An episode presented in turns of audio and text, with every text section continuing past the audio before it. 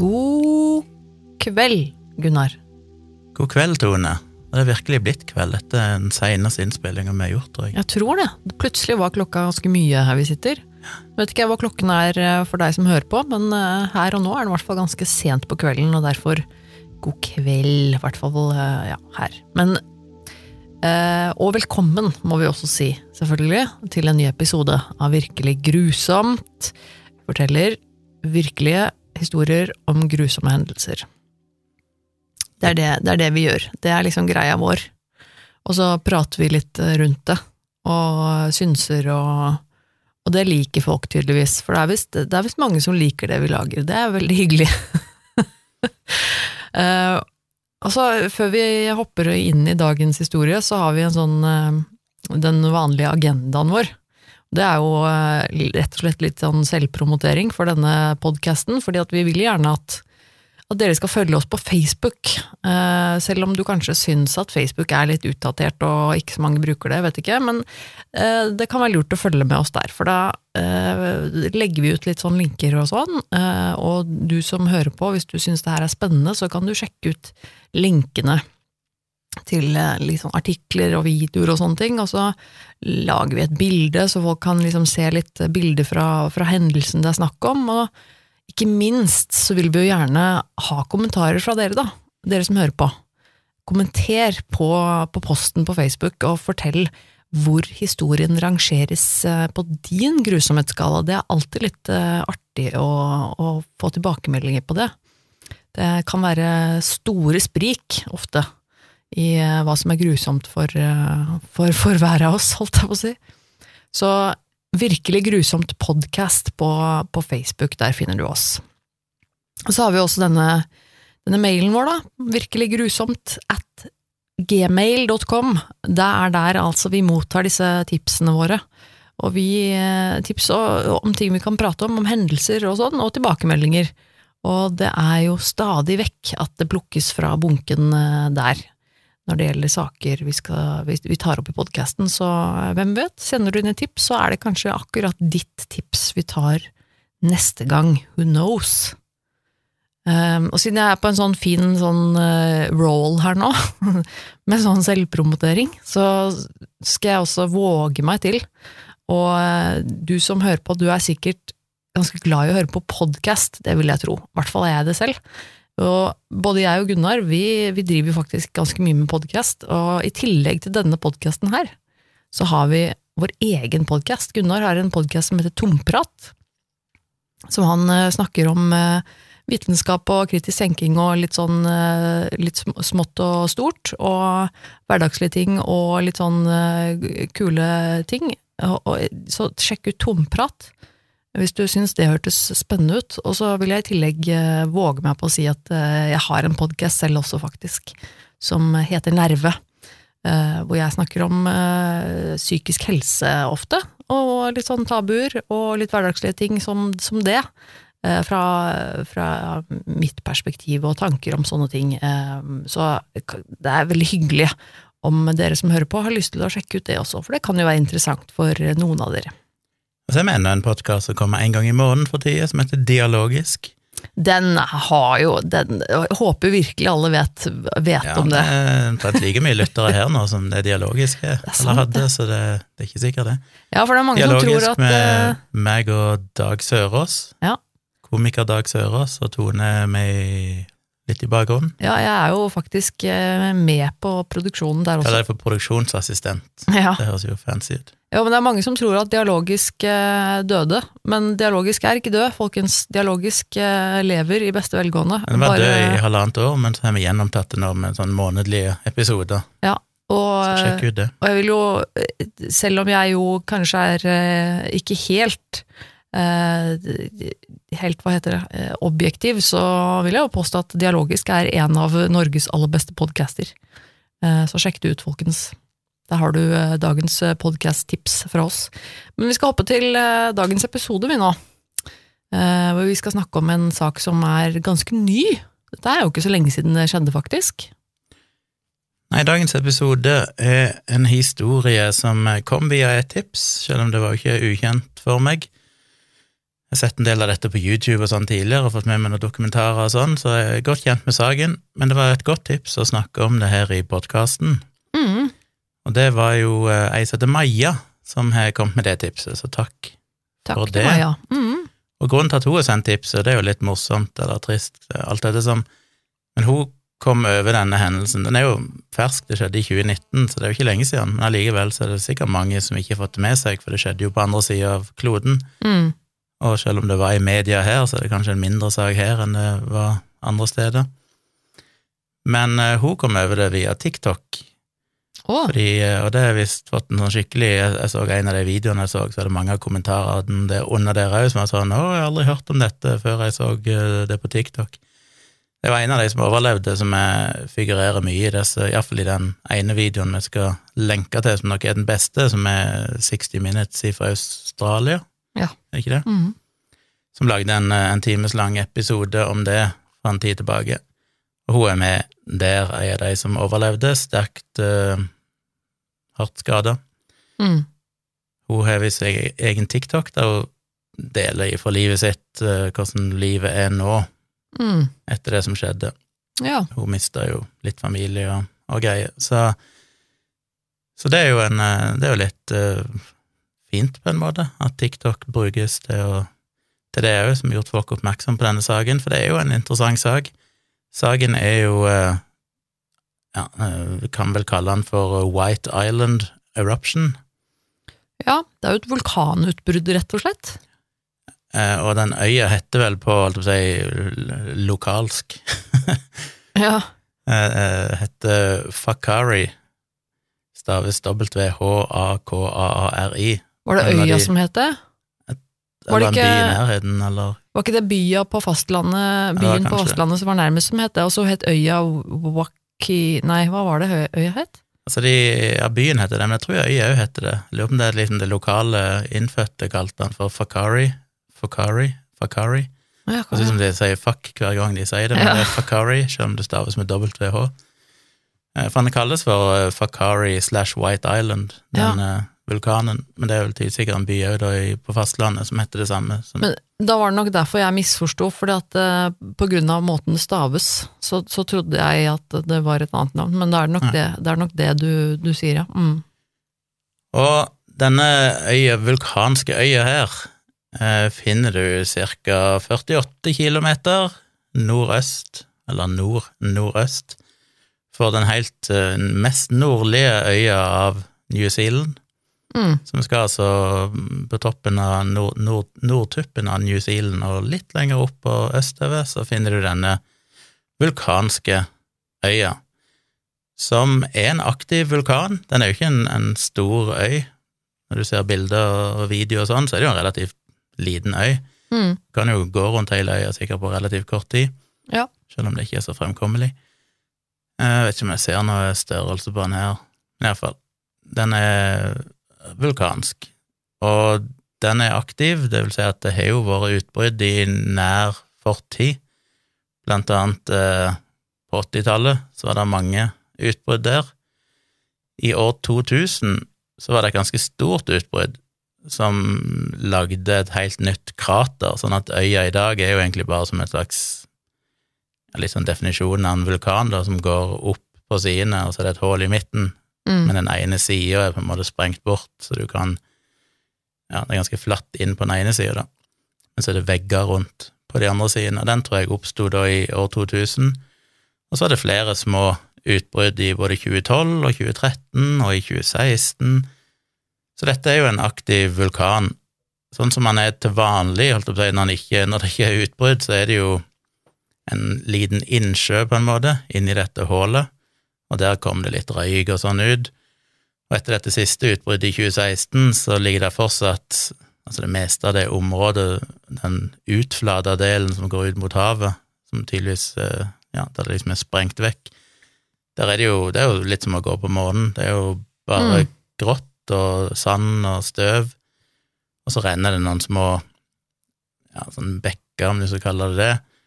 Og der er jo, det er litt som å være i nærheten av en geysir på Island, for det er små dammer sånn som koker, som bobler av varmen, og mye sånn gult ifra svovel og sånn. Mm. Så det er et spennende sted, og det har jo turistnæringen i Fakari oppdaga. Så de har jo hatt mye av eh, inntektene sine fra turistnæringen har jo vært basert på å ta turister med ut til denne vulkanske øya. Jeg skjønner jo veldig godt hvorfor folk hadde lyst til å reise ut dit. Når du ser på videoer og bilder og sånn fra, fra den lille vulkanske øya, så ser det jo utrolig vakkert ut, da. Med de Ja. der, eh, som du sier, litt sånn gule sulfur, eh, på en måte eh, bekkene, eller altså sånn, også Mhm. litt sånn damp og altså Det minnet meg litt om Island, faktisk. Altså litt den derre Og det var jo rett og slett veldig vakkert, så jeg skjønner jo det at, at folk får lyst til å dra og se, da. Det er litt sånn spennende, og i tillegg med at det er en vulkan, liksom. Vi har jo vært på Island og sett uh, lignende Geysirer, ting, men ja. vi var jo ikke i nærheten av noen aktiv vulkan da. Skulle gjerne vært oppe og sett på den eh, vulkanen som kom i fjor, vel, på denne tid, for omtrent et år siden. Dukka det Ja. opp en ny vulkan? Dukka opp, ja ja. Du mener eh, Vulkanen var jo der fra før, ja. ja, men den den- ikke, hadde vi ikke vært aktiv på lenge. Nei. Eller Den- var det egentlig en vulkan? Ja, det var vel en slags vulkan, men det sprakk vel bare opp i overflata, egentlig, og så begynte det å komme ut. Spyle ut uh... Men jeg har jo bodd i Kenya i den tida jeg var yngre, og Kenya er jo et veldig vulkansk område, midt på ekvator i Afrika, der du har Rift Valley, som er delt delt ja. kontinentet nesten i to. Det er jo ikke aktive vulkaner der nå, så vidt jeg vet, men sånn som Kilimanjaro-fjellet er jo en tidligere vulkan. Ja, det er sant. Og når du sitter og ser utover bunnen av Rift Valley, utover Masai Mara, så er det jo sånn, Det er nesten som å gå tilbake igjen sånn 60 millioner år i tid og tenke seg en verden der det liksom det er, Hva heter det? Eh, Ja, det er veldig, veldig flatt. Du kan liksom se kilometervis av gårde, men så er det bare pepra med sånne små, nesten sånn tegneserieaktige vulkaner rundt forbi Oh, ja. Som er ikke er aktive lenger da, men de er jo fortsatt der. Og vi klatra jo opp på en vulkan, husker jeg, som heter Mount Longinot, et eller annet sted i Kenya. Som var en lang tur å gå, som jeg hater. Men da hele familien gikk opp ved kanten av den, altså når du kom på toppen Det var sånn skikkelig vulkan, der du bare har en sånn smal kant liksom rundt hele veien, Å ja, ja. og så går du bare rett ned i et sånt svært hull i midten, yes. som ikke var Jeg vet ikke hva definisjonen er aktiv han var vel ikke aktiv, men det kom liksom røyk ut og sånn noen plasser, da Ja. og svovel og litt, litt samme greie. Så det er veldig spennende å se på de plassene, så jeg skjønner godt at det var en turistfelle, holdt jeg på å si. Ja. Ble det vel, i ordets verste forstand. ja. Men eh, det var en, denne her var jo særdeles aktiv, du hadde hatt utbrudd i nyere tid. Jeg lurer på om de kalte den for sånn semiaktiv, hvis det er et Ja. sånt uttrykk de bruker, men jeg tror det var det de sa. Og dette, ja, på slutten av 2019 så hadde vulkanen begynt å vise tegn til litt ustabilitet. Eh, utover i oktober og november så var det litt ting som skjedde der. Det var litt sånn eh, rystelser, og det kom litt eh, svoveldioksidgass ut. Og dette følger de jo veldig mye med på. Du har jo hva de heter for noe, GNS Science, tror jeg. De hadde ansvaret for å følge med på denne her vulkanen, så de hadde jo webkamera montert rundt forbi, de hadde seismograf, de hadde mikrofon som driver og fanger opp lyden da i tilfelle noen eksplosjoner. Mm. Og de besøker øya jevnlig for å måle gassnivåene og teste vannet og alt mulig sånn, og se om det har skjedd endringer i overflata, da, for å se om det liksom buler ut en plass av høyt trykk eller et eller annet sånt. Så de fulgte jo med på dette og hadde lagt merke til at her var det et eller annet som var i ferd med å skje. Det var de høyeste nivåene av både rystelser og sånt svoveldioksidgass siden dette utbruddet i 2016. Så det betydde at det var en forhøya risiko for et utbrudd. Mm. Og 18. november 2019 så endte de opp med å gi vulkanen det som kalles for Volcanic Alert Level 2, som betyr moderat til forhøya vulkansk eh, ustabilitet, eller hva du skal kalle det. Ja. Og det er jo flere nivåer, de går fra null til fem. Hvis det er null, så er det helt rolig. Hvis det er én, så er det litt sånn ustabilitet. Er det to, så er det som sagt moderate to heightened volcanic unrest. Kommer du opp på tre, så er det faktisk et lite utbrudd. Så to er altså det høyeste du kommer uten at det faktisk pågår et utbrudd der. Ja, nettopp. Så ja. Kommer du til fire, så er det moderat stort utbrudd, og fem, så er det en veldig svært vulkansk utbrudd. Ja, nettopp. Så, så på, på, på nivå tre så er det jo allerede et utbrudd. Ikke sant? Ja, Så to er liksom det høyeste du kommer, der det fortsatt er ikke et utbrudd pågående. Mm. Men samtidig så er det jo diskutert uh, hvor trygt det er det når det er på Volcanic Alert level 2. Um, Ja. Noen vil jo si at ofte så skjer det ingenting, men det er for høye risiko. Det er ikke sånn at det betyr at nå kommer det et utbrudd, det er det ingen som vet. Det kan være eh, på nivå to, og allikevel så skjer det egentlig ingenting. Så det er vanskelig å si. Noen vil jo si at det å besøke en, en sånn vulkansk øy mens han er på dette nivået her, det er ikke noe farligere enn å, å kjøre en tur i trafikken. Det er flere som dør av det, liksom. Eh, Risiko, eller statistisk sett. Så jeg vet ikke. Det, det er nok vanskelig å si. Men det er andre som mener at når du kommer på et sånt nivå, så bør du ikke ha turister der. For selv om det stort sett går bra, så er det da såpass mye høyere sjanse for at det kan skje noe, at det er uansvarlig. Så kommer jeg litt tilbake til det seinere. 24. november så eh, var det et jordskjelv ca. ti kilometer, altså ei mil ifra denne øya, som hadde magnitude 5,9 Ute i, altså under ute i sjøen. havoverflaten. Ja, Ja. Som varte i ca. ett minutt. Og det var såpass kraftig at du kunne kjenne det i store deler av New Zealand og sånn. Mm. De, det kan være at det bidro til å altså, få dette vulkanutbruddet som til slutt skjedde, til å oppstå, fordi det endrer litt på trykk og sånn i, i uh, grunnmassen, Mm. eller i det geotermiske systemet.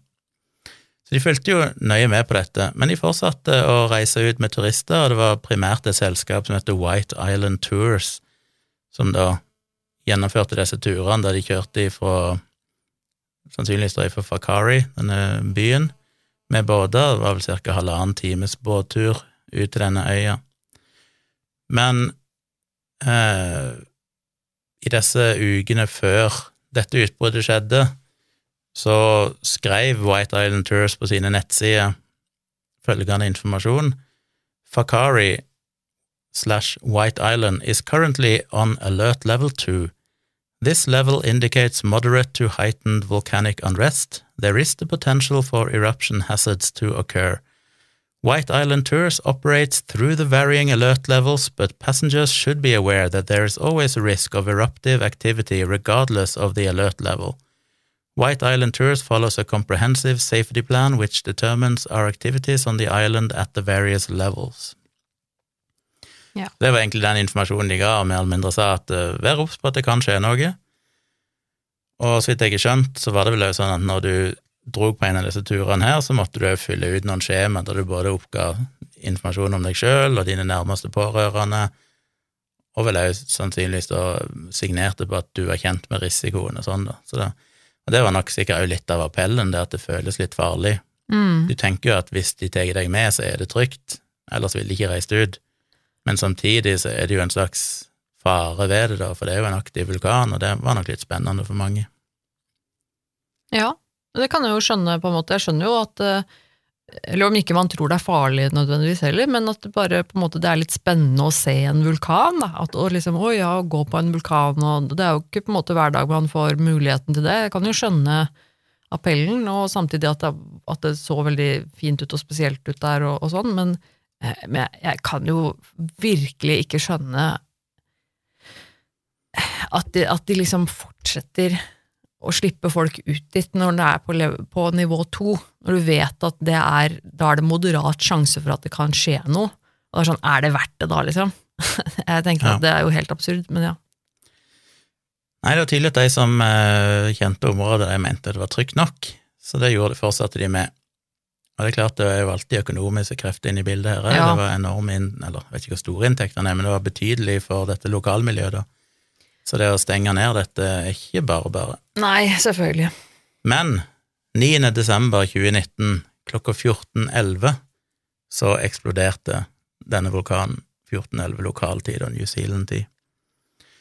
Og på det tidspunktet så var det jo tragisk nok en del turister ute på denne øya. Og jeg må jo si allerede nå at uh, igjen, jeg vil anbefale å sjekke ut den 60 Minutes-videoen. Der finnes jo ganske mange klipp på YouTube Fordi dette var jo i moderne tid, folk hadde mobiltelefoner, det ble filma, og du kan se ganske mye av det som skjer. Mm. Og det er jo flere videoopptak av folk som er på denne øya. Det var på det tidspunktet, så jeg skjønt, så var det vel egentlig to sånne båter som hadde kjørt ut. Eh, Litt usikker på om de var med samme selskap, begge to, men det var i hvert fall to sånne litt større båter som hadde kjørt ut, og så parkerte de. Eh, Stoppa båtene da, jeg vet ikke jeg, sånn 100 meter eller noe sånt ifra, ifra øya, og så senka de ned sånne gummibåter med motor på, og så kjørte de da passasjerene inn til øya den siste beden. Mm. Så bå- båtene lå liksom forankra litt ute ut i sjøen der.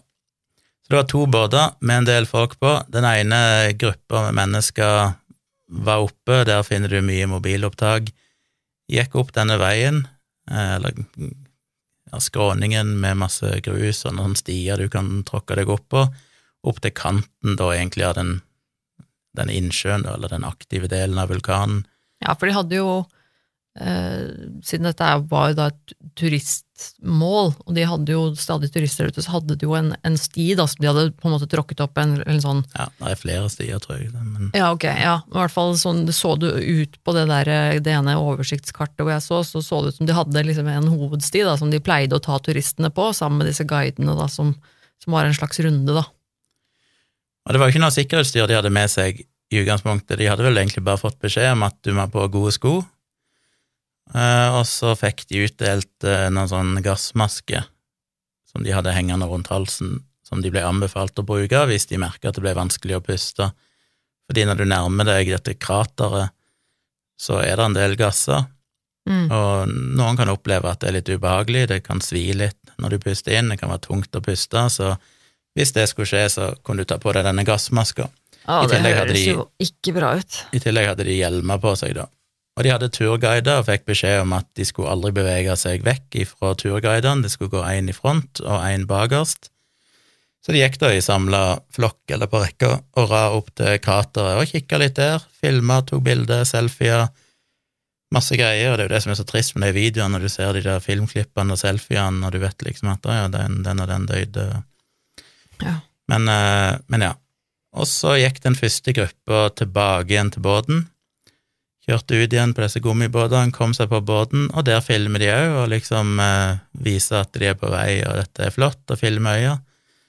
Og så plutselig, bare noen få minutter etter at den første båten har forlatt øya, så skjer dette utbruddet, der du bare ser en gigantisk kolonne av gass og støv, og det ble spruta ut en del steiner og materiale, bare går rett opp i himmelen. Den gikk vel så høyt som fire kilometer til slutt, nesten opp i skyene.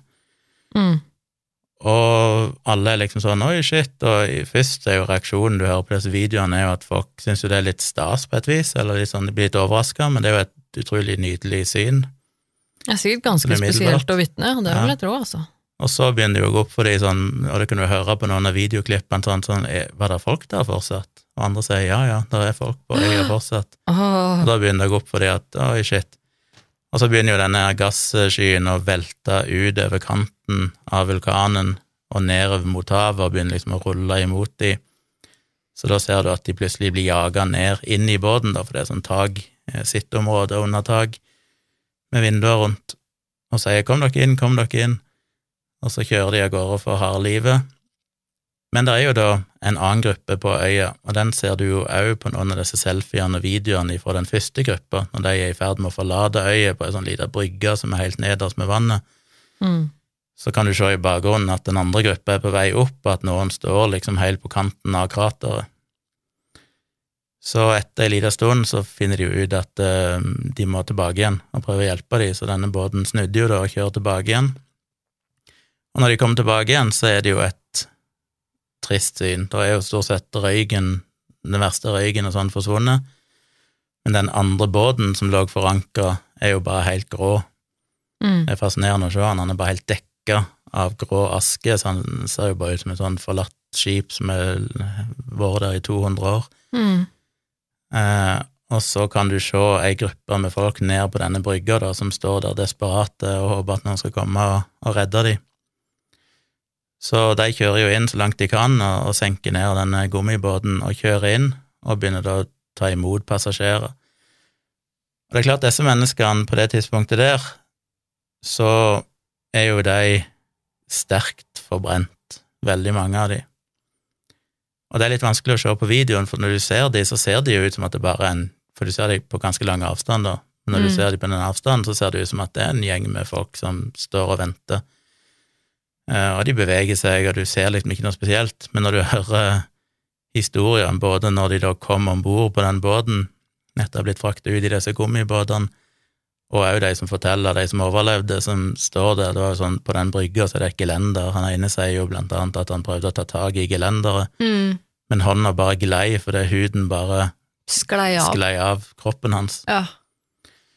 Så det var hardt skada mennesker, men de fikk eh, alle om bord på denne båten, av de som var der, så vidt jeg skjønte. Og da gikk jo alle de passasjerene på den båten, de begynte å hjelpe. Noen av de hadde jo litt trening i førstehjelp og sånn, og Målet var jo bare å få lagt de på plass. De kom jo inn, noen av de, var jo, noen av de hadde jo vært kledd i bare T-skjorte og shorts, så de var jo forbrent ved store deler av kroppen. Andre var bedre tildekka og hadde mindre forbrenninger, mest på hendene og, og ansikt og sånne ting. Men de hadde jo ekstreme smerter, mange av de. Mm. Noen av de var jo drifta jo egentlig bare inn og ut av koma, mm. eller av bevissthet. Så det de gjorde, var å prøve å hjelpe de så godt de kunne, legge de ned, eh, hente fylte flasker med vann i for det ferskvannet de hadde på båten, prøvde å pakke inn de stedene, stedene på kroppen der all huden bare var brent av, pakka de inn i, i tøy og klær, og så tømte de vann på det for å prøve å holde det fuktig og nedkjølt. Mm. Og Samtidig så frøs det jo veldig, for du havner i sånn sjokktilstand, og du har jo ikke noe hud lenger, så du blir jo ekstremt nedkjølt. Mm. Så det er en sånn kamp mot å både holde de varme og samtidig holde de fuktige, og mange av de prøvde jo å ligge inntil de og bruke sin egen kroppsvarme for å varme de, og ja, forferdelige scener. Du kan høre mange av de i, de, i den videoen der de forteller sjøl. Så er det jo faktisk eh, en og en halv time ja, og det er jo... Du må sitte på den båten på vei før du kommer inn til land, da. Ja. Så når de hadde fylt opp båten, så måtte de kjøre til land, og det var jo, som noen av de sjøl forteller, var jo en helt grusom tur når du er sterkt mm. forbrent, og så må ligge da med sol på deg. De prøvde jo å skjerme de så godt de kunne da på åpne sår der du ikke har hud lenger, og sjøsprøyt med saltvann som treffer deg, og mm. kald vind og liksom full pakke. Ja, det, ja. Det... Men idet denne eksplosjonen skjedde, så var der òg to helikopterpiloter da i Fakari som eh, ikke var sånn trente redningsfolk, men så denne røykskyen bare komme opp i føya, og ganske umiddelbart bare hoppte inn i eh, et helikopter de hadde, og fant ut de må bare kjøre ut og hjelpe de. Og De hadde ikke noe annet enn et førstehjelpsskrin på helikopter, så de hadde ikke noe redningsutstyr eller noen ting, men de visste bare at de måtte ut og hjelpe. Mm. De kom jo ut der ganske så kjapt, og fikk landa det var jo òg et helikopter som sto på øya fra før, som òg hadde hatt med noen, noen, turister ut med helikopter, sikkert litt mer VIP-folk som hadde betalt for det. og det helikopteret kan du òg se på noen av videoene, det ble jo, det, de har jo bygd noen sånne små plattinger der helikopterne kan lande på, og det helikopteret var jo bare blåst av plattinger, og alle rotorene var brukket og sånn, så det var ekstreme krefter. Mm. Så de landa der, og de gjorde jo så godt de kunne med å hoppe ut av helikopteret og begynte å gå rundt, for du hadde jo den gjengen da som var nede på brygga, som ble redda av den båten, men de begynte jo å gå oppover mot krateret for å se om det var andre folk. Og de fant jo en og annen, de fant jo noen som var døde, de fant noen som var i live, men sterkt forbrent og skada, som de bare prøvde liksom å, å dekke til og, og legge til rette så godt de kunne, mens de gikk og leide etter andre. Og de eh, klarte jo å få med seg noen på helikopteret som de fikk kjørt inn igjen da til Fakari. Og så var det jo spørsmålet hva med annet redningsmannskap? Eh, en skulle jo tro at en ganske umiddelbart ville ha sendt eh, skip og redningsskip og et tonn med helikopter ut for å prøve å hjelpe. Mm. Og det har jo vært noe av kontroversen i dette her. De hadde jo en del helikoptre stående i Fakari eh, i forbindelse med sykehuset, sånne ambulansehelikoptre og sånn. Men de reiste ikke, fordi han som var ansvarlig for dette, han konkluderte med at det ikke var trygt nok til å sende ut folk, sjøl om de to frivillige helikopterpilotene hadde vært der ute og kom tilbake igjen og sagt at eh, det går an å lande der, og det er trygt nok, liksom. Mm. Så konkluderte de da med at de ikke skulle reise ut. Ja, for de var jo da redd for at det skulle være flere utbrudd, og at det skulle ja, være utrygt for dem, og at de skulle sette seg selv i fare, da. Og det er jo Og det kan man jo forstå, ikke sant, for Ja, de du vet jo ikke altså, det er jo det første ansvaret du har som redningspersonell, det er jo først og fremst ikke utsette noen andre for unødvendig fare. Ja, og det er klart, du vet jo ikke det med en sånn vulkan. Plutselig er det, er, er det Når det kommer et, et utbrudd på den måten, så vet du ikke om det kommer et til etterpå. Så det er jo ikke Nei. mulig å vite. Og de fikk jo, som de har forsvart seg med, de fikk jo mye informasjon fra forskjellige hold, og det var vanskelig for dem å vite hva, hva de skulle forholde seg til. Så er jo sånn som hun, journalisten i 60 Minutes, hun utfordrer de jo på, ja, men burde dere ikke kanskje ha lytta til de helikopterpilotene som faktisk hadde vært der ute, så hadde det vært trygt? Er det ikke de som kanskje var viktigst å lytte til, og ikke all annen tredjepartsinformasjon dere fikk? Men de har gått ut seinere, da, og sagt, innrømt at de burde ha reist ut mye tidligere, og tatt Ja. selvkritikk på det, men eh, de mener at de fortsatt ikke ville hatt noe å si, og det har de vel kanskje rett i, Det kan hende, det. muligens, at de hadde kanskje ikke redda noen flere liv om de hadde kommet ut der, for det var ikke så mye mer å gjøre, men uh, uansett. Så de fikk jo mange av de av denne øya i varierende tilstand. Det er jo Noen av de var jo døde på øya, noen av de døde på båten hjem igjen. Uh, minst én, tror jeg, av de som var i helikopteret, døde nok bare på helikopterturen. De beskriver jo òg at de for eksempel fant ei jente, vel, eller dame, som fortsatt levde når de fant henne, som de bare liksom la til rette og dekka til, men når de kom tilbake igjen, så hadde hun dødd i mellomtida. Mm. Så det er mye tragiske historier. Men de fikk iallfall folk tilbake igjen etter hvert, selv om det var en lang tur. I det øyeblikket denne, dette utbruddet skjedde, så først så trodde de at det var minst 100 turister der, men de fant seinere ut at det var 47 personer på øya idet han eksploderte.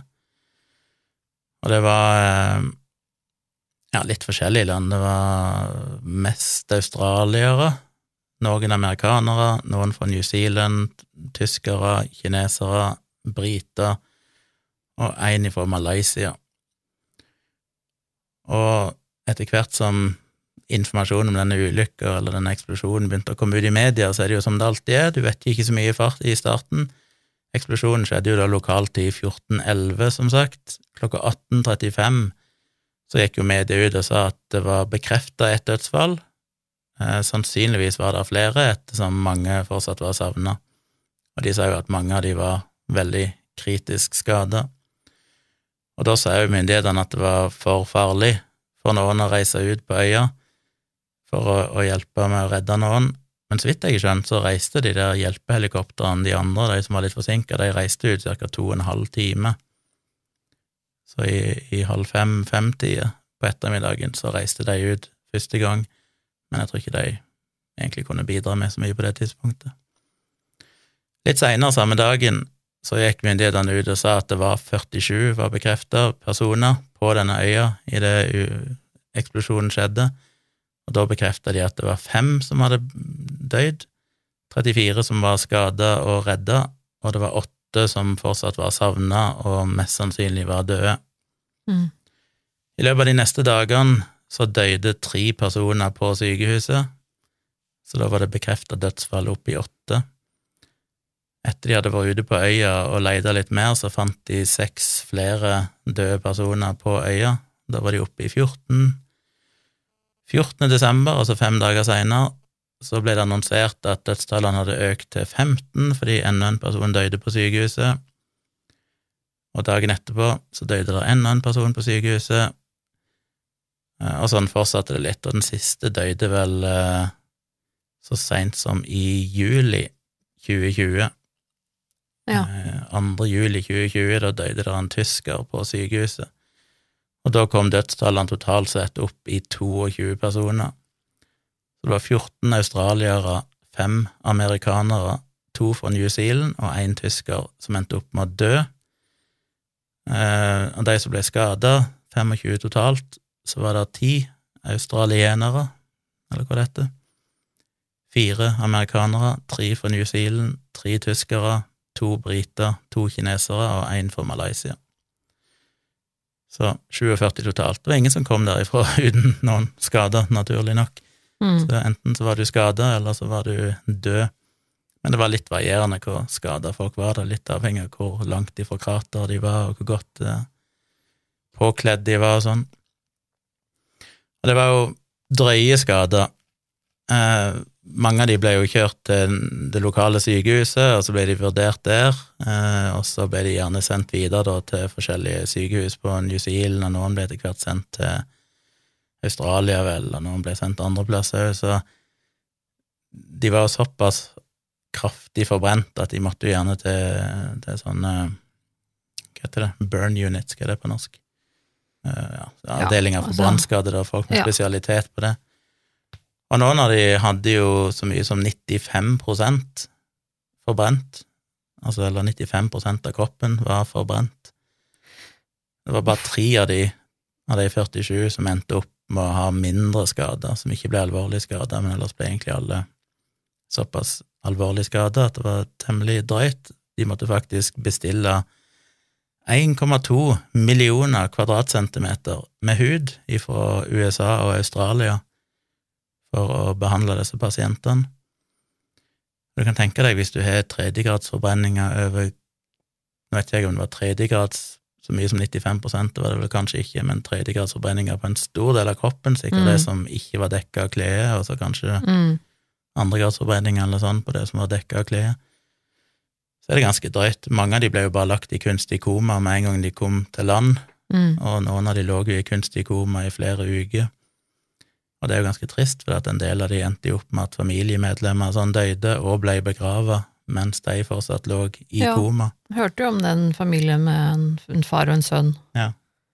Hvor sønnen og far begge ble skadet, og, og, og, begge to ble lagt i koma, og, og sønnen da dør på sykehuset, og far eh, ligger fortsatt i koma når sønnen dør, og fortsatt når sønnen blir begravet, så ligger far fortsatt i koma, så når far da våkner, så må han da få beskjed om at, eh, at sønnen er død, og du har også gått glipp av begravelsen. Altså, det må være så Uff, fy fader.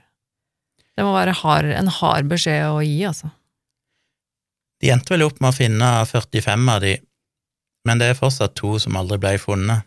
Mest sannsynlig det ja? fordi at uh, de havna nok i en sånn bekk eh, på øya når de døde, og så var det visst den natta etter vulkanutbruddet, så var det visst en ganske sånn kraftig storm eller et eller annet sånt, Ja. så de regner med at de da ble skylt ned Ut i sjøen i og forsvant ut i havet. Ja. Så så vidt jeg vet, hvis ikke det skjedde noen endringer siden den gang, så er det to som aldri ble funnet i det hele tatt, men de ble erklært døde 23. januar 2020. Mm. Um, hva var det jeg skulle si? Ja, så var det jo denne saken med mange av disse her, kanskje de fleste, alle, det husker jeg ikke helt. Iallfall en betydelig andel av de kom jo fra et sånt cruiseskip som var på en sånn lang tur på vei rundt New Zealand, som varte i hva var det, ti dager, to uker, et eller annet sånt. Så midlertidig da hadde stoppa der, for å ankre seg opp der, og så var det mange av disse passasjerene da som tok denne dagsturen ut til White Island, mens de aller fleste, jeg vet ikke hvor mange ser på dette cruiseskipet, det var et gigantisk skip, så sikkert hundrevis eller tusenvis av mennesker, så det var jo bare en liten gjeng egentlig da av de som reiste ut på White Island. Men der var det jo òg familiemedlemmer og sånn som venta på båten, og de fikk jo ingen beskjed. De, båten ble bare stående der, og de lurte jo etter hvert på hvor blir det av disse folkene, min sønn, far, Mm. Og som det så ofte er, som er alltid like tragisk, så var det jo mangelfull informasjon. Det er jo kommet fram i ettertid at eh, skipet sjøl sa jo egentlig ingenting, og noen av de fikk ikke vite om det som hadde skjedd, før desperate familiemedlemmer fra andre deler av verden ringte og sa liksom skru på nyhetene, ser dere hva som har skjedd på denne vulkanen?' Og Mm. da skjønte de at oi, shit, det var jo der de skulle på denne dagsturen. Eh, og det er ganske tragisk, for at de visste jo ingenting i veldig lang tid, og i mellomtid så hadde jo mange av disse da kommet inn igjen til land og blitt kjørt på sykehus, og noen av de døde jo etter hvert. Ja. Mens disse passasjerene ikke visste noe, men hadde de visst det, så kunne de kanskje da ha hatt muligheten til å besøke familiemedlemmene sine på sykehuset og kanskje se Mm. dem før de døde og sånne ting. Så det er jo selvfølgelig vært kritikk av. Jeg, jeg skjønner aldri det når sånne ting skjer. Hva, hva skulle intensjonen til dette cruiseskipet være for å ikke bare gi all informasjon og bare si du det har vært et vulkanutbrudd, og vi prøver å få all mulig informasjon, og, men i- istedenfor så bare sier de ingenting til passasjerene. Er de bare redd for ryktet sitt, eller skaper vet, en utrivelig stemning. Er de redd for panikk, liksom? Da? Eller, det, men nei, det er likevel sånn det, Ja, nei, jeg vet ikke, altså. Det, det er et godt spørsmål. Så, ja I ettertid av den ulykka så har det jo vært litt rettssaker og sånn. Det er jo aktører som har vært ute og, og saksøkt flere av institusjoner og organisasjoner og reiselivsnæringen og alt mulig. Eh, Det har vært litt sånn diskusjoner om hvor fornuftig det er. Eh, Det er noe som heter for hva det heter for Worksafe New Zealand, som tydeligvis er en organisasjon som jobber sikkert for da, trygge arbeidsplasser, som endte opp med å saksøke 13 forskjellige aktører, blant annet og en hel rekke med reiselivsaktører, er jo noen litt sånn rike, store eiere av disse. Mm. Men de saksøkte jo òg GNS Science, blant annet, som de òg fikk kritikk for i ettertid, for det er litt sånn hvis vi begynner å, å true med søksmål til vitenskapelige institusjoner Nå vet ikke jeg helt hva de egentlig la i det søksmålet, kanskje det var at de mente at de ikke hadde advart godt nok, eller ikke hadde gitt nok informasjon, eller hva det var for noe, men de mener at det er farlig, for da kan du risikere at eh, vitenskapelige aktører ikke tør å gå ut med informasjon. Mm. At de ikke sier noe. Ja. Mm. Ja, det De er jo finner at det er tryggere å bare holde kjeft, liksom, og Mm. eller enn å ha risikoen med å si noe som noen kan bruke mot de seinere. Mm. Så det var litt kontroverser rundt det, det var noen private søksmål og sånn, jeg skal ikke gå inn i det, det kan dere lese mer om i disse artiklene. Vi skal poste linker til hvis dere er interessert. Um, så er det blitt laga flere dokumentarer sånn om dette, da, blant annet den 60 Minutes, det er jo en annen en som jeg har sett, som er på en lang, jeg husker ikke en kanal det men som heter Four Corners, eller det er en sånn dokumentarserie som heter Four Corners, og en av episodene er om denne saken her. Ganske sånn omfattende med masse videoklipp av det som skjedde, og intervju med overlevende og, og sånt, som er ganske interessante og gripende å se. Mm. Men jeg syns nok den 60 Minutes er den beste av det jeg har sett, for de har jo faktisk fått tak på ganske mange av de og snakker med de, og òg rett en del kritikk da mot han som var ansvarlig for helikopteravdelingen og alt det der. Uh, ja, så vet jeg ikke helt hva som har skjedd i ettertid. Jeg fant ikke noe om det sånn i farten, om de har av, om de fortsatt reise ut der nå. Å, ja, sånn, ja. Nei, det, ja. Det er faktisk litt usikker på om det er noe som ble stoppa på det tidspunktet, eller om det er ja. Så permanent, mener du, liksom? Å ja, du hadde rett, Tone, det er faktisk to forskjellige. Byen heter Fakatani, mens vulkanen heter Fakari, Ja, ok. så det er to forskjellige. Ja, det er ikke så så likt, jeg tror det var ja. samme, men byen heter Fakatani, den byen som de reiste ut ifra og ble kom tilbake til når de var Det var veldig like navn, så det var ikke så rart å Det var ikke så vanskelig å mikse opp de.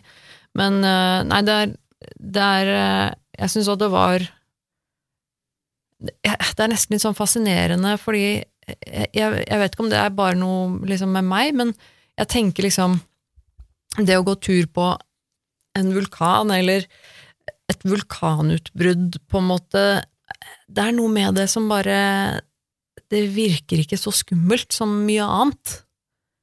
Eh, på et vis. Eh, kanskje fordi at man tenker at ja, men det er så lite sannsynlighet for at det skjer, eller eh, Eller også hvis du ser på en måte eh, Apropos det du snakket om på Island, eh, nylige utbruddet, eller ja eh, hendelsen på Island med vulkanen der som, som begynte å lekke masse magma og sånn, som renner utover. Du ser på en måte at det er veldig fascinerende å se på, er jo én ting, men, men også at det, det renner jo bare sånn sakte nedover, den, den steinmassen, ikke sant.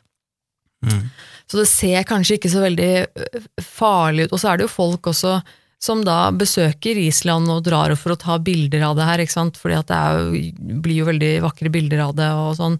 Uh, og, og man kan tenke at det er på en måte ikke så farlig, og det virker ikke så farlig, liksom. Uh, at, men, men så Og jeg kan liksom skjønne det, men så er det liksom noe med likevel at når du får når du får de der vitnebeskrivelsene da, av de som er der når det, når det utbruddet faktisk skjer, det er da du på en måte kanskje tenker over hva det er som faktisk skjer. Eh, at det faktisk er enorme mengder med, med glødende varm stein som regner fra himmelen, da, basically. Var det Altså- ikke det primært som skjedde i denne Det var vel, det var ja, det var jo mest eh, gass, egentlig bare. Ja, det var, Mest vanndamp, egentlig, som er bare overoppheta til flere hundre grader. ja, men de sa vel at det var mest eh, sånn eh, mødd, altså at det Ja, var Ja, aske og aske og Men det var jo selvfølgelig stein òg, da. Det var stein òg de kunne se ble slengt ut. det jo Det var liksom ikke lava, på en måte. Nei, det nei, gass nei, det var det ikke. Men, men sånn øh, Likevel skjønner på en måte litt alvoret i det, da. Men tenk når du står på kanten der, og det eksploderer, du bare blir truffet av en vegg med liksom 300 grader varm. Ja, jeg håper da vedkommende døde umiddelbart. Nei, jeg vet ikke om de gjorde det, virker jo ikke Kanskje noen på, men det er jo ikke, så mange de fant døde på øya, da. De fleste døde jo seinere. Ja, men også, i hvert fall så Men dette, dette paret, i hvert fall, det var jo en, et, eh, en av de, de Noen av de de intervjuer i den dokumentaren også, som var ganske sånn gripende fortelling, hvor, hvor hun og han forteller liksom historien om hvordan det var når de var på den øya, og hun forteller da hvordan han egentlig basically reddet livet hennes. Mm. Uh, og og det, bare liksom den med at når det skjer, og hvor på en måte overrasket og redde de blir, og, og ikke minst når han tourguiden som, som de er sammen med, som de går, går tur her, og det eksploderer, og du hører han plutselig begynner bare å si 'run', liksom, løp, Mm. og det er sånn åh, shit. Det er litt sånn Og så når de kreker seg sammen og, og prøver å og liksom øh, Oi, nå dunka jeg borti mikrofonen, kanskje. Eh, men at det, det begynner å regne eh, aske, og at det blir helt mørkt. Og måten de beskriver at, at de ikke fikk puste, at de sleit med å puste, for at eh, hele lufta ja, rundt helt dem blir helt tett av aske. De måtte jo Du ren, med renske luftveier når de kom på båten av aske og Ja, støv. og og, og, og, og at det blir helt mørkt også, for det er så tett at, det, at du kommer ikke lys gjennom. Og at du at, øh, Var det også en av de som beskrev på en måte at det var liksom glødende varme liksom askebiter og sånn som kom på en måte regnende ned, da, og, Mm. Og liksom snakket om den derre øh, Altså, det er helt sånn ubegripelig hvordan hun ene også beskriver at hun, hun var sikker på at hun bare kom til å dø, at nå, nå kommer jeg bare til å øh, ligge, nå kommer jeg bare til å dø, for at hun kjente at hun liksom gikk litt inn og ut av bevissthet, at det var så mye det, det, sånn, det, er helt, øh, det er helt vilt, altså. Ja, altså Når det er så sterkt på bunnen òg, så er det jo når de beskriver de som var på denne første redningsbåten, eller denne turistbåten, da, som endte opp med å bli en redningsbåt, når de fikk på land, de som sto på brygga og venta, og de bare sa at huden bare falt av kroppen deres. Altså, Mm. De endte jo opp med å ikke ha noen hud, det var bare rått kjøtt, egentlig. Og det er, Huden bare smelte og skaller av over hele kroppen. Det altså så det må være altså så forferdelig jævlig og, og, og vondt og, og skummelt. Altså tenk, jeg prøver liksom å tenke meg selv Altså Vi er så vant til den huden vår, at vi har den huden som beskytter oss mot, mot, eh, mot alt rundt oss, på en måte. Og så er det eh, Det er liksom så skummel tanke, det der at hvis du har Hvis du har et, et område av huden din som på en måte blir skadet eller brent vekk, så er det jo på en måte ikke noe der. Det er ikke sånn at du bare kan eh, liksom legge noe oppå, og så blir det bra. Altså det er sånn, da, er det, da er du faktisk borte, og så er du på en måte eksponert hele under... Altså det er jo helt Altså, huden er jo regna som en del av immunforsvaret. Det er Ja. den kanskje viktigste delen, så Ja. hvis du fjerner den, så er du jo ganske eksponert, bokstavelig talt. Ja, og det, det er liksom eh, det, er litt sånn vanskelig å forestille seg, egentlig. Og så eh, er det jo også veldig Får liksom mer inntrykk også når du, når du på en måte ser disse menneskene som overlevde, da, og når de forteller om og viser på en måte hvordan de er etterpå, og liksom hvordan Selvfølgelig også ansiktene og kroppene deres på en måte blir helt, helt forandret i utseendet også, fordi at de har både fordi at huden vil jo aldri på en måte gro, på, gro seg til på samme måte og se lik ut, og i tillegg så er det jo mange av dem som også har fått mye transplantert hud, som også blir seende helt annerledes ut, og, og, og arrhud og ikke sant. Du, vi har vel sikkert alle sett bilder av mennesker som har vært uh, hardt forbrente. Du blir jo helt uh, Du ser jo helt annerledes ut etterpå. Og ikke minst også hun ene Også sånne sårbare områder som for eksempel hendene dine, da. Som jo, hvis du tenker på en måte hvor, hvor små fingrene dine er på kroppen, og hvor mye av det som er hud. Altså, og når, når huden forsvinner da, på hendene, som gjerne er kanskje noe av det, det første som forsvinner, hvor sårbart det er da, og da, da er det på en måte, du kan jo ikke fikse det igjen. Så det var jo Nei, Så får du innvendig forbrenning òg. Jeg ser her det står at uh, en del av pasientene hadde jo som sagt 95 forbrenninger, mm. mens i snitt så hadde de fleste av de 29 som ble behandla for så kraftige forbrenninger, de hadde 40-50% av kroppen mm. brent av. Men 22 av de var òg på hadde sånn pustehjelp eller ventilator, fordi at de hadde jo òg brannskader i lungene. Mm. De jo pusta inn glohet aske og gass mm. i kanskje flere Altså selve eksplosjonen, det sa jeg kanskje ikke, men den varte jo egentlig bare i rundt et minutt eller to. Ja. Så det var en ganske sånn kraftig eksplosiv, bare ett minutt med utblåsing, og så så tok det jo bare den tid det tok da før all gassen og sånn forsvant av seg sjøl. Men eh, når du driver og puster så varm gass, så brenner det jo opp hele innsida av lungene òg, så mm. jeg vet ikke hvordan det er sånn langsiktig, da. Ja, det, det er noe som gror til igjen, eller om du vil jo anta du har permanent skade. Ja, du er jo det, altså, for det, vi vet jo allerede det at uh, disse Vi har jo uh, på, på, innsiden av lungene våre så har vi disse flimmerhårene. Mm. Uh, vi vet jo det fra andre altså Hvis du får skade på de Det er jo sånn som man snakker om med, med røyking og sånn, for eksempel. At det er jo permanente skader. Du får, du får ikke dit, de gror ikke tilbake igjen. Så det er klart at når du har brent da på, og pustet inn så varm Ofte må Det høres jo helt forferdelig ut. Det må gjøre så vondt. Det blir jo permanente skader, selvfølgelig. Og det er jo sikkert derfor også noen av de døde, vil jeg tro. Eh, at de ble på en måte så ødelagt også inni, inni kroppen, da. Men det er det jeg skulle til å si med hun eh, Ja. Litt, med hun ene også, hun, med fingrene og, og, hendene, at hun hadde jo da amputert åtte av ti fingre. Mm. Fordi at de, de, blir altså så ødelagt at det er på en måte, det er ikke noe igjen å fikse der. Og, og da kan Altså, hvor Hvor på en måte handikappet du blir, da, med en gang du på en måte Du har ikke noe igjen av hendene dine, og føttene kanskje, og ikke sant, det er, det er er den TikTok-kontoen, det er jo hun i dokumentaren med den svarte maska på. Ja, for så har Hun sånn mister jo søstera si og faren sin. Ja, for hun har, eh, for de som ikke har sett den eller ser den, så har hun da en, en dame som som da har en, en, slags svart, litt sånn halvgjennomsiktig eh, maske på seg. Som, som strømpebukser som er tredd over Ja, det ser litt sånn ut, med bare åpninger rundt øynene og en liten åpning uh, rundt munnen og, og, nesa og ørene. Så det ser veldig, uh, veldig spesielt ut. Det ser du på altså. alle de her som intervjuer, de går jo nesten alle med sånne hansker, som mm, dekker huden overalt på hendene og sånn, ingenting kan eksponeres. Og dette er jo da også lang tid etter at det skjedde. ikke sant? Sånn som disse intervjuene her er jo tatt nå i nyere tid. Men hun er jo aktiv på det... TikTok, så jeg vet ikke hvordan det er nå. Å, ja. Jeg har ikke sett henne, hun fortsatt må gå med det. Ja, det vet jeg ikke heller. Men det er jo også ganske Det også sier jo ganske mye da, om, om, om hvor omfattende og hvor langvarig dette her er. Altså, det er jo mennesker som da, da de går med, med spesielle hansker og beskyttelsesutstyr i lang, lang, lang tid etterpå. Dette navnet Vakari, det er jo selvfølgelig maori, Mm. Ikke lokalsk, som jeg kalte det. Oh, ja. Nei, ja, native Men De fleste language. plassene i New Zealand har liksom doble navn. De heter maori-navn, mm. og så har de et engelsk navn. Så Wakari eller Fakari er maori-navnet, altså er White Island på engelsk. Og angående det med hud, da, så er jo et eh, menneske, gjennomsnittlig menneske rundt 20 000 kvadratcentimeter med hud. 20 000 kvadratcentimeter? Ja, okay. så når de bestilte 1,2 millioner, så vil jo det ah. dekke da en 15 Jesus. 15-20 personer. Det er mye, eh, altså.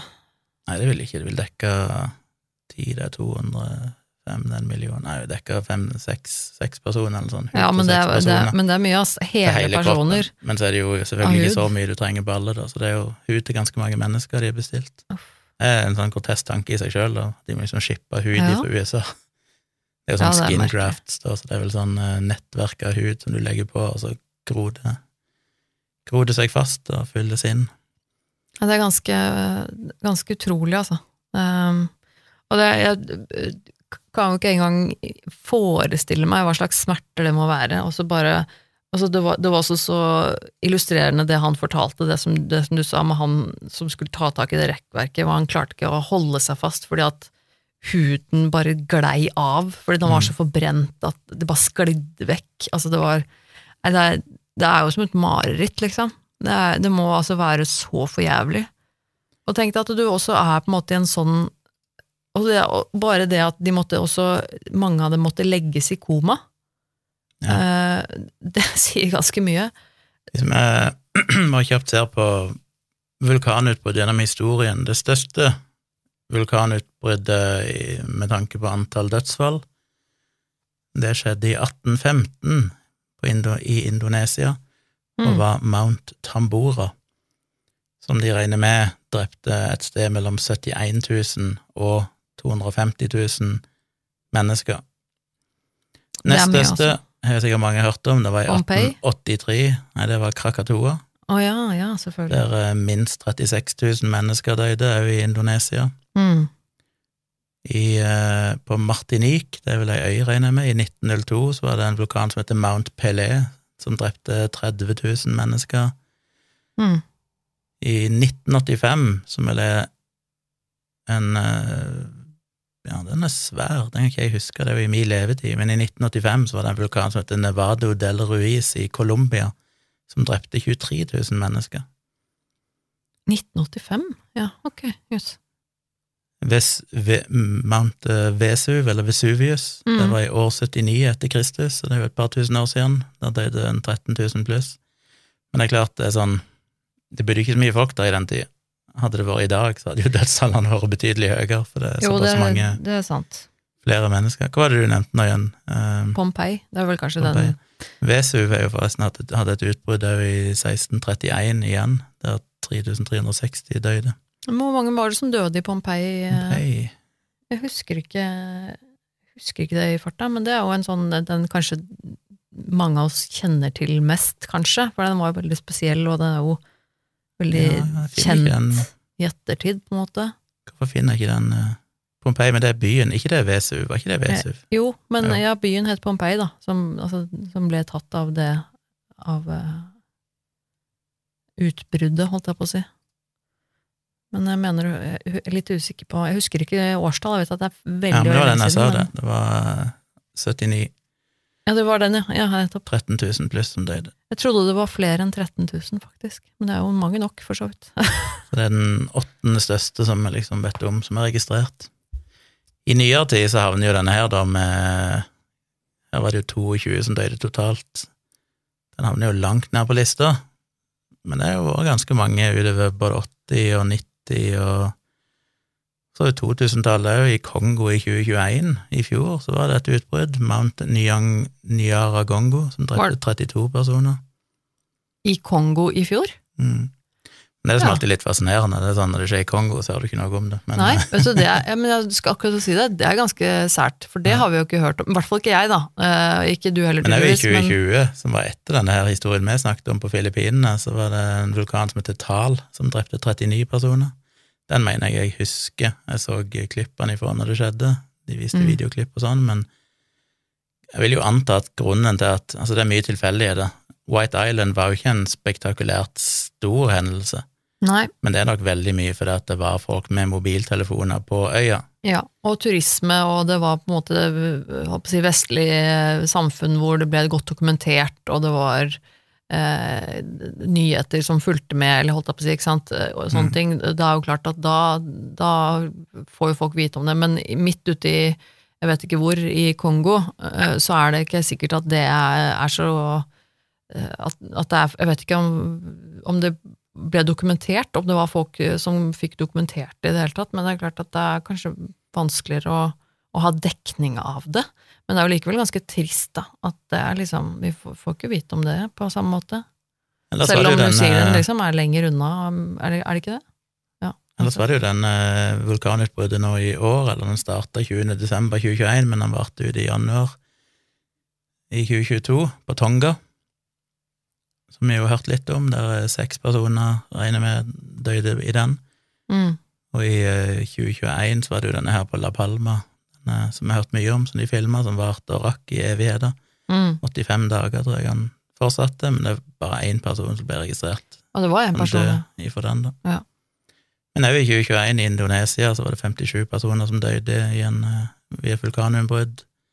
2019 var det et vulkanutbrudd i Italia, der én person døde, og så videre. Ja, for det er jo Og 2018 så var det i Guatemala, der døde 190, og i 2018 i Indonesia så døde det 426 i et utbrudd, så det er jo i nyere tid vært mye større utbrudd, det bare du hører ikke så mye Ja, om det. vet du, jeg, jeg, for jeg var jo klar over det, ikke sant, at det er jo, det er jo mange aktive vulkaner rundt om i verden, eh, og, som, og det er jo fortsatt utbrudd av vulkaner her og der til, i, rundt omkring, men, eh, men vi hører jo ikke om det hele tiden når det skjer. Jeg tenkte jo jeg vet ikke, eh, jeg vet ikke kanskje hvorfor jeg, jeg, jeg, jeg så for meg at det at vi ikke hører liksom om det som at at det var ikke så mange mennesker som døde i, av vulkanutbrudd uh, verden over, liksom, på årlig basis. Jeg trodde ikke det var så mange, for å være helt ærlig. Nei, det skjer jo stadig vekk. Ja, det, ja men, og én ting er liksom at det skjer utbrudd. Som sagt, det, det har jeg liksom ventet, eller vært klar over, men jeg trodde ikke det var så mange som døde, at det var så vanlig at, at det var såpass mange som døde. Jeg Av det? på, eh, var litt nysgjerrig på Island. I 1973 så døde der én person, da vulkanen Eldfjell, Eldfell hadde utbrudd.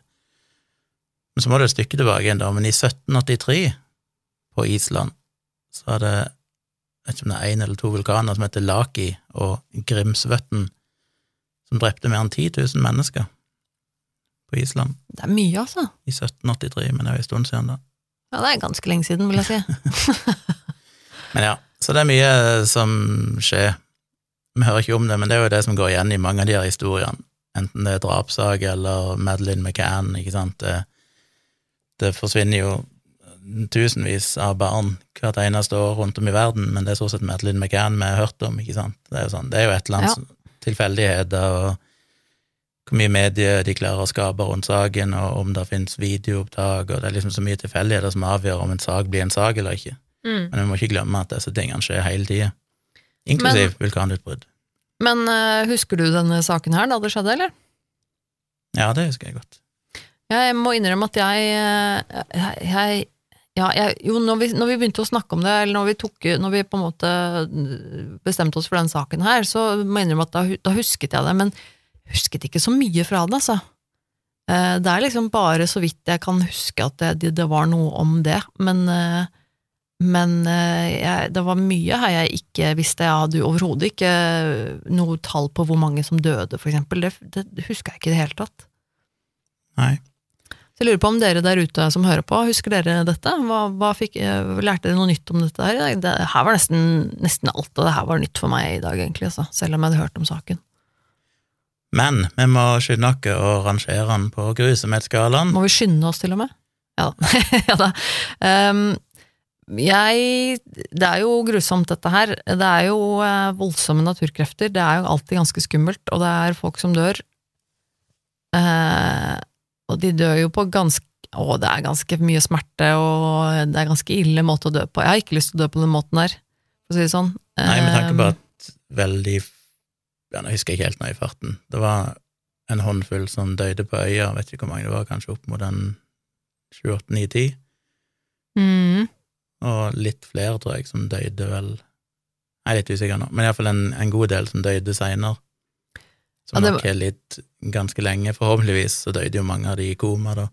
ja, ikke sant. Men, du kan jo eh, bare håpe det. Men De eh, fleste har nok levd ja, minutter og timer, kanskje, før de døde på øya òg. Og jeg tror det er eh, mye smerte. Så vidt jeg har skjønt, så er det der med med å transplantere hud, og det å på en måte Men det er jo det å få med- innvendige forbrenninger i lungene. Ja, ja, Og Det minst. intenst eh, ikke får puste, du føler at du kveles til døde, sannsynligvis. Ja, jeg tror det er enorme smerter, og ikke bare på en måte når, når du har forbrenninger på huden, men også etterpå, når det skal Mm. gro, og du skal på en måte få Nei, det tror jeg er Det er jo en forferdelig skjebne. Ja, det tror jeg er veldig, veldig ille. Så jeg vil si um, 22 dødsfall, 25 hardt skadd. Uff. Ja, Ja, det er 22 hardt skadd, 3 lettere skadd. Eh, Det er eh, Jeg tror vi havner på Ja, syv? Syv? Jeg tror kanskje syv. Alltid vanskelig å rangere saker, fordi disse sakene her involverer jo ikke ondskap. Nei, det er det ikke. Det ikke Men jeg vil jo si at det er- det. Veldig Jeg, jeg blir jo samtidig ganske forbanna, for jeg tenker sånn Fy fader, det her er jo så unødvendig. Å, å dra folk ut på den øya når, du, når det Ja. er på en måte eh, moderat fare for at det skal skje noe der og sånn, da tenker jeg sånn åh, forbanna idioter, altså. Øh, eh, ikke nødvendigvis eh, turistene, kanskje, men, men mest på en måte de som, som styrer det her, da, de som uh, er ansvarlige for, for disse utfluktene. Jeg tenker jo at det, ah, Hvis du ser det som White Island skriver på nettsidene sine, som jeg leste opp tidligere, så sier de liksom at uh, husk at et utbrudd kanskje er uavhengig av uh, Ja, ikke sant? Hvilket nivå nivå det er på. jeg skjønner jo det. Det er sånn, Selv om det hadde vært nivå 1, så er det fortsatt ikke egentlig trygt. Det, det er liksom sånn Nei. fraskriver seg Ja, og det er sånn, ja, men det var nivå to, og Ja. det var faktisk vitenskapsmenn og som holder øye med dette her, som sa at det er eh, Men nå er det på nivå to, og det hadde jo vært på nivå to i et par uker allerede da. Ja, Det virker som at det er noe som skjer i kortvarige perioder. Ja, så og det da tenker jeg at burde jo ikke være noe som man altså, det, ja. det er ikke sant at det er i nivå 2 i mange år. Nei, ikke sant, og jeg tenker at da må det jo være mest forsvarlig å bare tenke at ok, så lenge det er på nivå to, så Mm. har vi ikke noe utflukter dit. Det er liksom Så det er jo ikke verdt å ta sjansen da, tenker jeg. Nei. Så jeg blir jo sånn irritert og forbanna på, på folk også, kjenner jeg, men, men uff.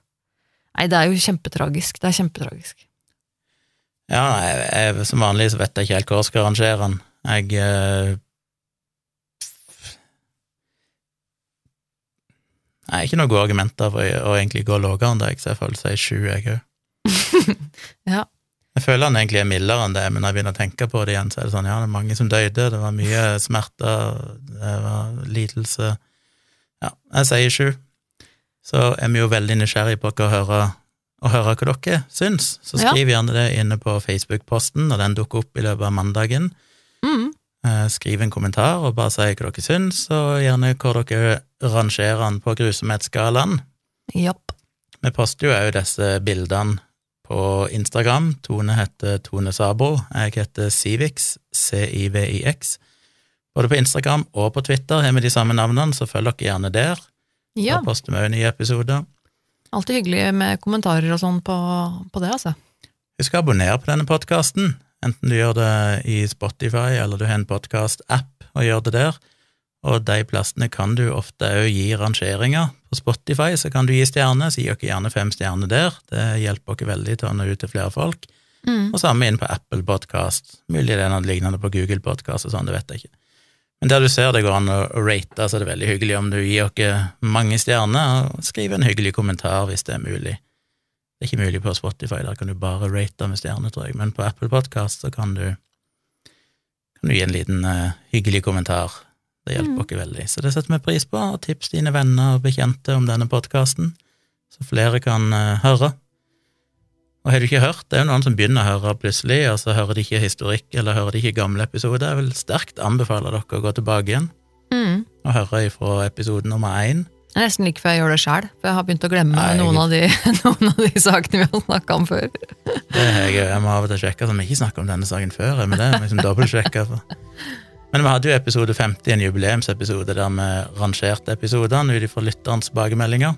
Ja, Og noen av de mest populære er jo blant de aller første, så ja faktisk. sjekk ut de. Mm. Vi er tilbake neste uke, neste mandag, med en uh, ny episode. Ja. Som vanlig, så følg med. Og inntil da så må du sende noen mail, hva det du skulle si. Ja, Send oss eh, tips om eh, ting du vil vi skal snakke om i podkasten på virkeliggrusomt.gmail.com. Så får du ha en fortsatt fin vår enn så lenge. Ha det. Ha det.